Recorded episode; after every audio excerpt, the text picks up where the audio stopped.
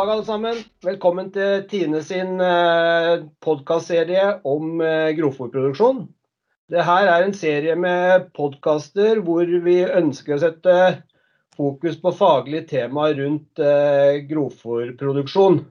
Og det er et veldig aktuelt tema om dagen, ikke minst de ambisjonene som Tine har satt med å øke andelen norsk fôr i rasjonen til, eh, til drøvtyggerne våre. Og Vi vet også at grovfòret har en stor betydning for den enkelte eh, produsent eller gårdbruker, både i forhold til økonomi og i forhold til eh, klimautslipp og, og flere andre viktige forhold. Mitt navn er Harald Volden, og jeg skal prøve å lose oss igjennom denne podkasten. Og med oss har vi fått han, eh, Hans Ulberg han er mjølkeprodusent fra Sør-Fron i Gudbrandsdalen. Og vi har også fått med han Erik Brodshaug, som er ansvarlig for sporutvikling i Tine rådgivning. Det som blir hovedtemaet for dagens podkast, det er å belyse at hvordan skal vi produsere grovfòr eh, i forhold til dyras behov. For det er vel sånn at eh, litt avhengig av hvilke dyregrupper vi, eh, vi snakker om, så kan eh, behovet til eh, type grovfòr og kvalitet på grovfòret være forskjellig. Og vi ønsker også å få belyst dette her med hvordan er det vi skal verdsette grovfòret inn i drøvtyggerproduksjonene. Jeg må jo ærlig innrømme det, Hans, da, at jeg har vært inne og snikkikka litt på tallene dine. Eh, og sett litt på eh, både beregna grovfòropptak og, eh, og forbruk av kraftfòr per 100 kg energikorrigert mjølk. Og det er jo imponerende tall du har. Beregna grovfòropptak ligger jo et sted rundt 95 megahjul per ku per dag. og og forbruket av kraftfôr ligger mellom 25 til 26 kg kraftfôr per 100 kg energikorrigert mjølk. Og det er klart at Når jeg ser sånne tall, så, så blir jeg jo litt nysgjerrig da, på uh, hva er det du egentlig gjør rundt uh, grovfòrproduksjonen din, og hvilke mål og strategier du har for uh, grovfòrproduksjonen din. Så jeg lurer på, Kan du si litt om hvordan du, du legger opp dette her? Ja, jeg skal prøve det, Harald. Jeg må nå innrømme at jeg er ikke den som er veldig flink til å notere meg ned og definere helt konkrete mål for alt jeg driver med. Eh, men jeg har nå likevel noen eh, nokså bestemte strategier som jeg følger gjennom sesongen. da. Og det som jeg vil da kanskje si i hovedsak jeg har mest å si for å ha en jevn og god eh, fôrkvalitet, er at jeg har en trislåsstrategi. strategi og det innebærer jo da at nødvendigvis at uh, en får gras når, når en bor der jeg bor, for å si det slik, da, så da får en nødvendigvis uh, gras som er relativt tidlig høsta. Uh, så det, det, det, vil jo være veldig viktig. Uh, og så har jeg blitt mer og mer opptatt av veldig rask fortørk og um, ja, bruker stuttest mulig tid på det. Så jeg breispray Eh, alt gress. Og er eh, egentlig opptatt av vær, da. Eh, så når det da nærmer seg rundt begynnelsen av juni hos meg, så er jeg nødt til å følge med på været. Og er det et godt værvindu, så da tar jeg. For det at både i forhold til kvalitet og ikke minst økonomi, at en, greier å få brukbar tørk. Um, ellers så fornyer jeg helt konsekvent hvert tredje-fjerde år uh, all grasmark. Eh, I tillegg til reparasjon reparasjons eh, ved behov hvis det er overvintringsskade eller ja. En eh, vet jo aldri hva vinteren bringer. Ja, så kjører jeg Det er jo noe jeg veldig tror på sjøl, at jeg kjører gylle tre ganger i sesongen. Altså før første slått og etter det første og andre slått. da, med, med veldig høy vassinnblanding. Ja, jeg lurer på om vi skal stoppe der foreløpig, Harald? Bare eh, litt sånn Du eh, høster eh, gras i rundballer, gjør du det? Jeg høster gras i rundballer, ja. ja. Det gjør jeg. Mm. Og i og med at du er oppe i Gudbrandsdalen her, når, eh, når, tar du sisteslåtten da, når, i et treslått system?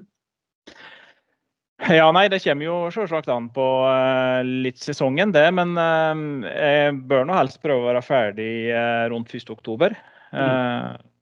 Men det, dette kommer helt an på. Um, vi har jo alltid, noe, som regel, tradisjonelt, noe lengre tørkeperiode i Gudbrandsdalen.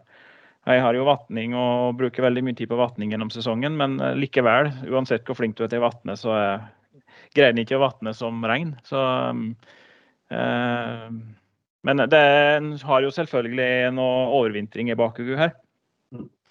Eh, så mm, nå har jo vekstsesongen borti blitt lenger og lenger. Så det er liksom det her har alltid denne vanskelige avveininga når det nærmer seg høsten. I forhold til at det skal rekke overvinstre, og samtidig som at du er redd for at det skal bli for langt.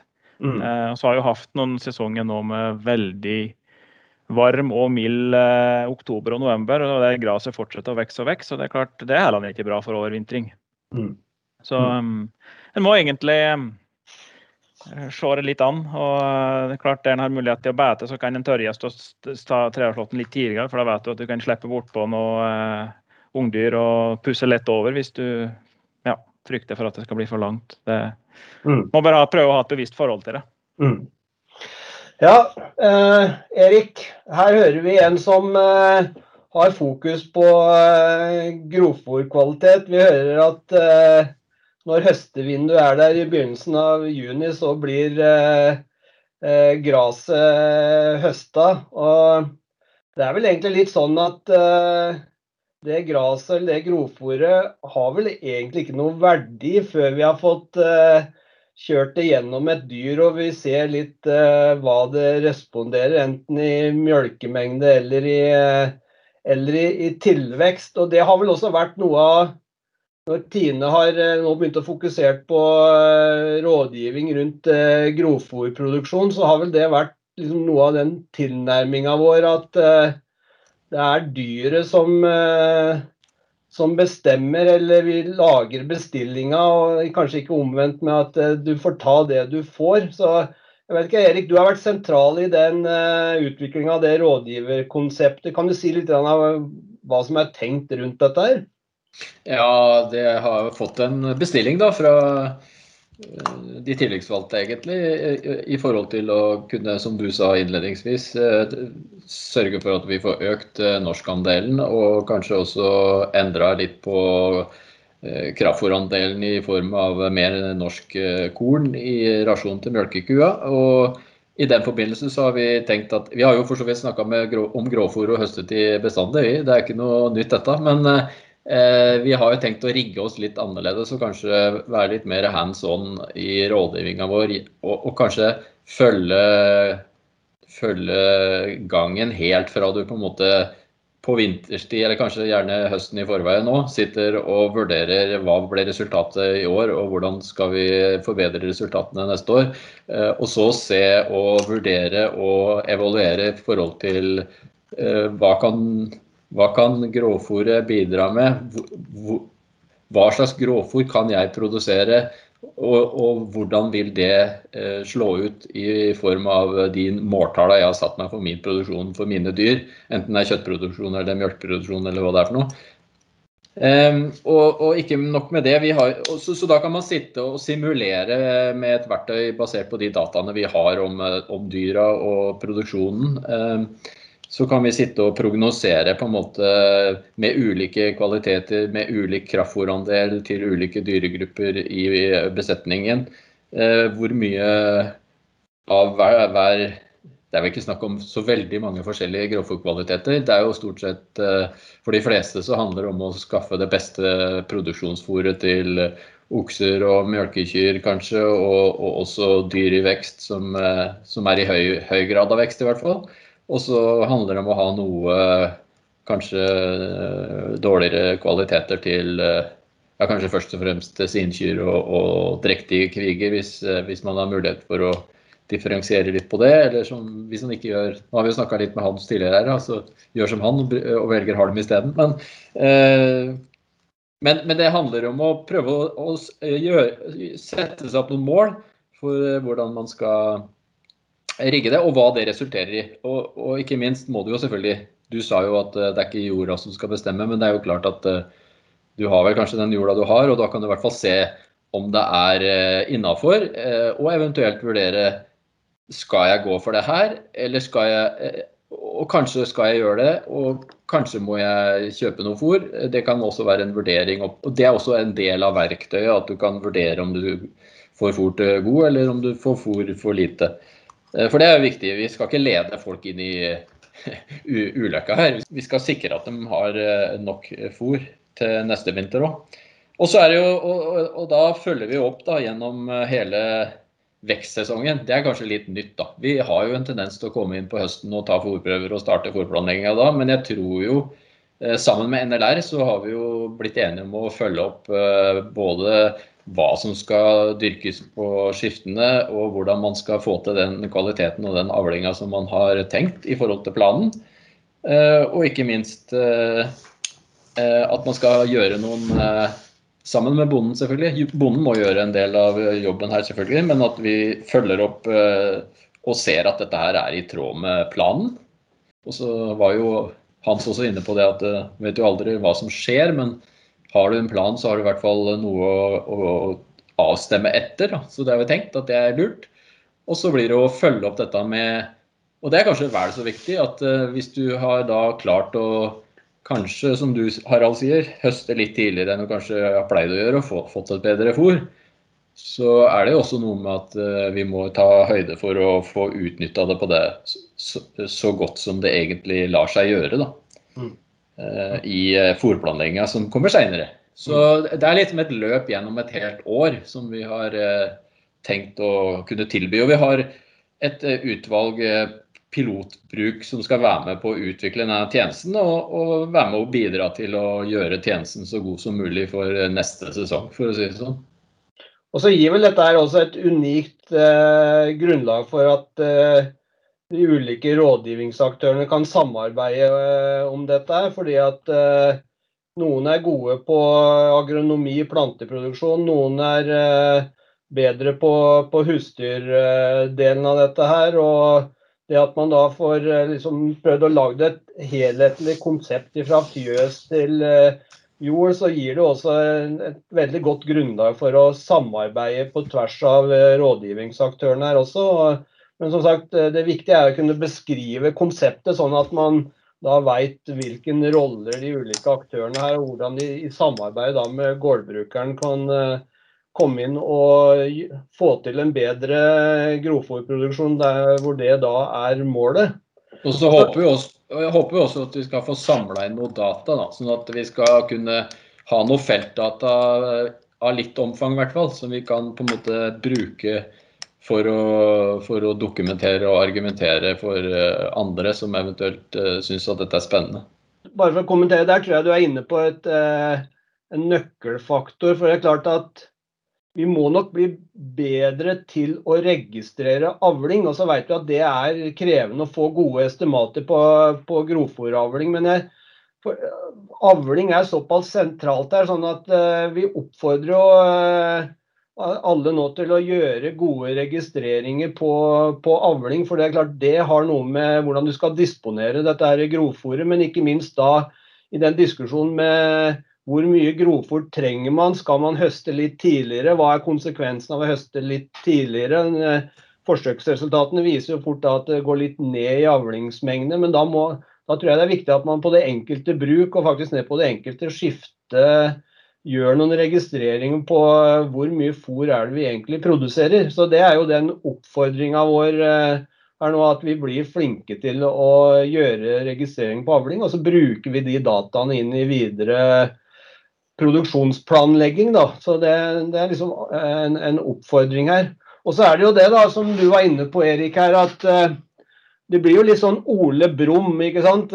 Vi ønsker å produsere ulike typer kvaliteter, og så er det jo lett å produsere det eller få fram det på, på papiret. og så er det jo da over på det praktiske, da, Hans. ikke sant, at eh, ja, Det høres veldig fint ut å produsere ulike kvaliteter av eh, men så skal du jo også kunne ha et driftsopplegg og du skal ha en løsning i fjøset som gjør at du får utnytta dette. Da. Så jeg vet ikke hva slags tanker du gjør deg rundt det. Nei, det er, et, det er et viktig moment, Harald. og Det er liksom det jeg sitter og tenker på her. at Én ting er når hvis en har et helt nytt, topp moderne fjos, moderne fòrline, så er det jo utrolig hvilke muligheter som ligger. Men det er nå en gang slik at heldigvis, får vi kanskje si, alle er ikke der. Um, og da, da, er det jo liksom de som klarer å finne uh, de beste praktiske løsningene som fungerer for den enkelte. Uh, og For å beskrive hvordan det er hos meg, så er jeg nå så heldig eller uheldig at jeg har et nytt og et gammelt fjos som henger i hop med to, uh, to um, atskilte fòrliner. Uh, en gammel og en ny. Og den nye den går opp mjølkekua, så den er jo for så vidt grei. Uh, Fullfòrblander og, og takutlegger. Og det er noe Ja, det er noe Det fungerer kjempefint, det. Og så er det et eldre fòrbrett med, appetittfòringsvogn som fôrer alt fra Sinky til Ukse til Kælebakk Vigo og det som er. Og det er klart at um, det hjelper ikke å slippe en sinkubont oppi den appetittfòringsvogna. Um, så det, slik jeg løser det, at jeg heller da må prøve å begrense opptak, grofo, altså grasopptaket eh, åt eh, dem som ikke skal ha så sterk fôring, og så til, tilbyr dem eh, ammoniakkhelm eh, på appetitt. Og det er nå et tips som jeg tenker at eh, kan funke bra for mange. For det er et fôrmiddel som går an å få tak i, det er lett å transportere. Um, og det er ikke minst lett å håndtere i fjoset. Uh, det er lagringsdyktig og det er lett å, lett å flytte rundt på. Uh, så det er kanskje mange som vil påstå at den er relativt dyr å kjøpe slik per fòrenhet, men, men er, jeg tror det er mye lettere å få til riktig fôring da. Så um, jeg er veldig glad i og glad for at jeg har, har tilgang på ammoniakkhelm og kan mm. bruke det. Og, og kommer fortsatt til å bruke det. Mm.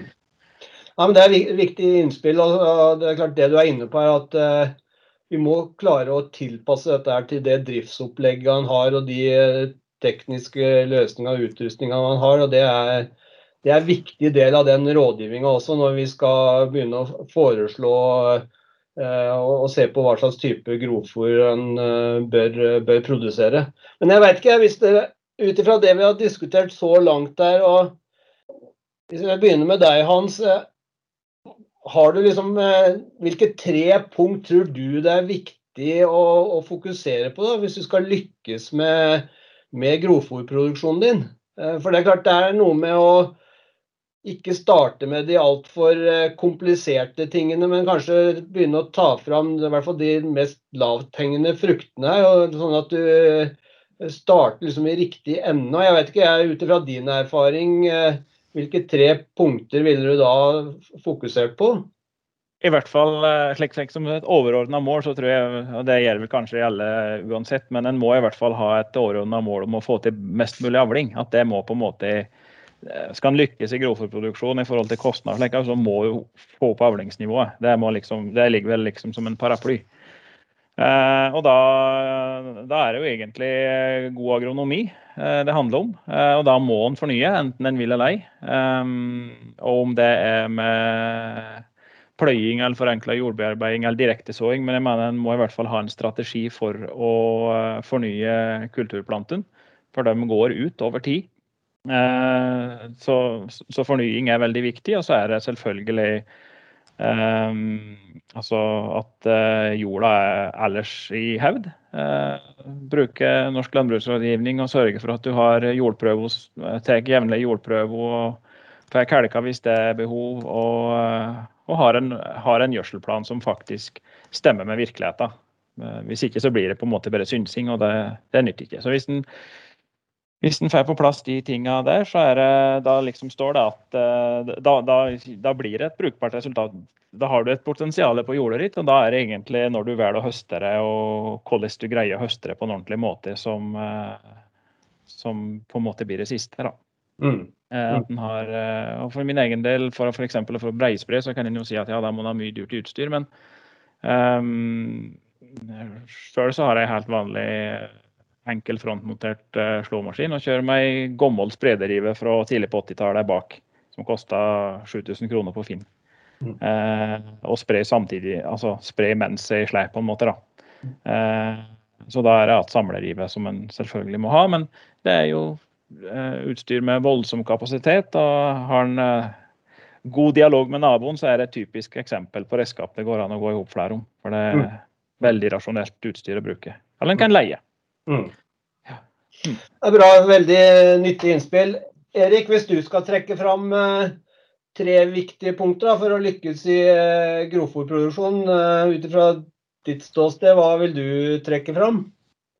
Nei, Jeg er jo litt på det samme som første punktet. At du må ha trygghet og ha et tydelig mål for at du, at du gjerne vil oppnå noe. og at, at, Det var det jeg sa litt i det der metodikken òg. At du må ha en, en, en, trygghet for du, hva du skal gå for. For det, det, er klart det hjelper også på regnvær. At uh, det er lett å skylde på regnværet for at den ikke fikk det som kanskje rådgiveren ønska eller noen andre uh, hadde som mål for deg sjøl. Men hvis du ikke har et mål sjøl og er klar på ditt eget mål, så, så, så hjelper det på en måte ikke. Og da, da klarer du å unngå regnværet òg, på en måte.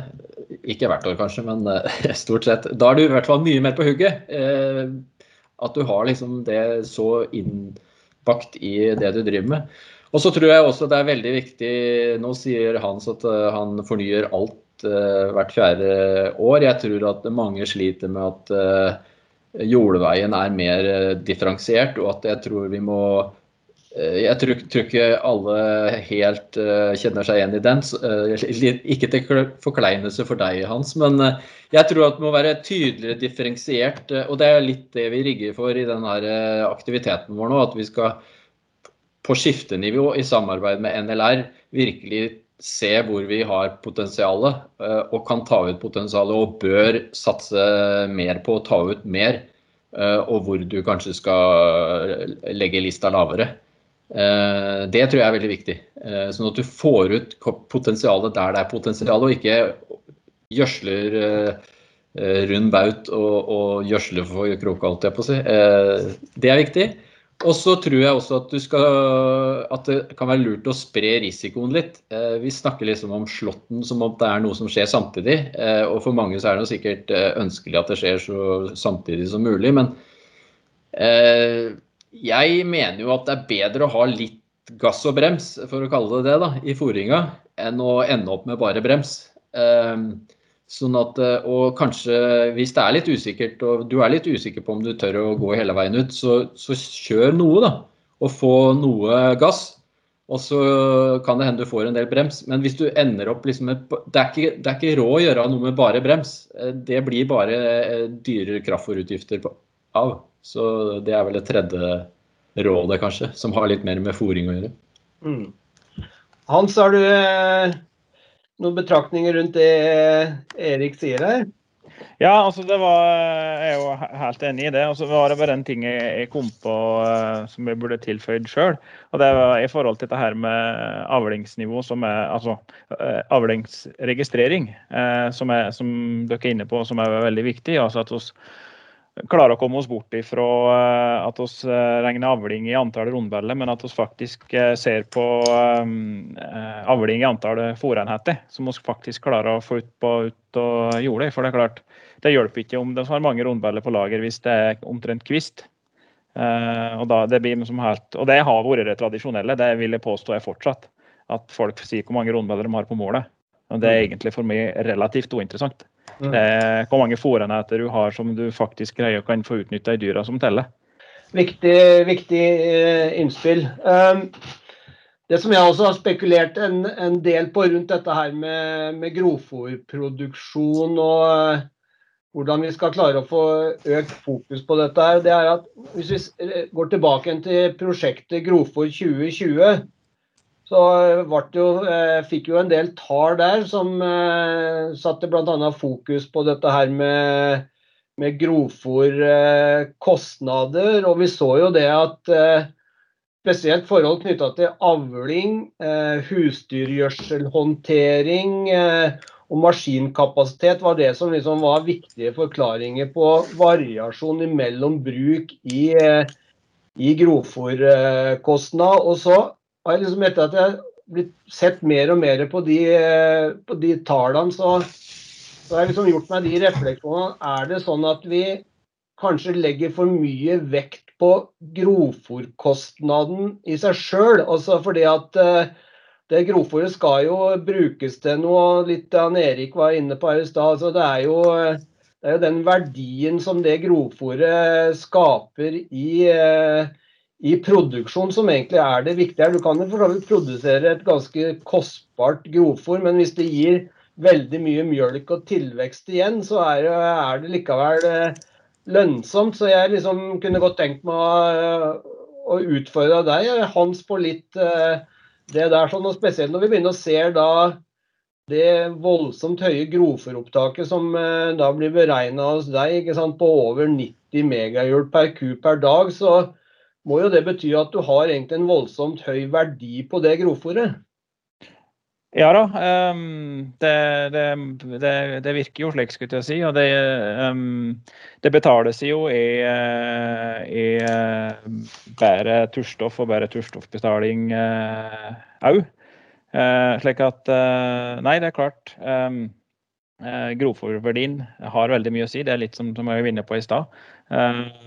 Og det blir på en måte feil å regne Altså, Selvsagt er fornying og arbeid og kalking det er, jo, det er jo en kostnad, men det er jo helt nødvendig å ta de kostnadene for at du skal få igjen noe i andre enden.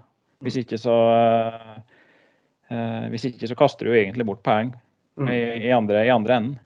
Erik, hva tenker du når uh, ut ifra den diskusjonen rundt grovfòr kostnad og grovfòr verdi?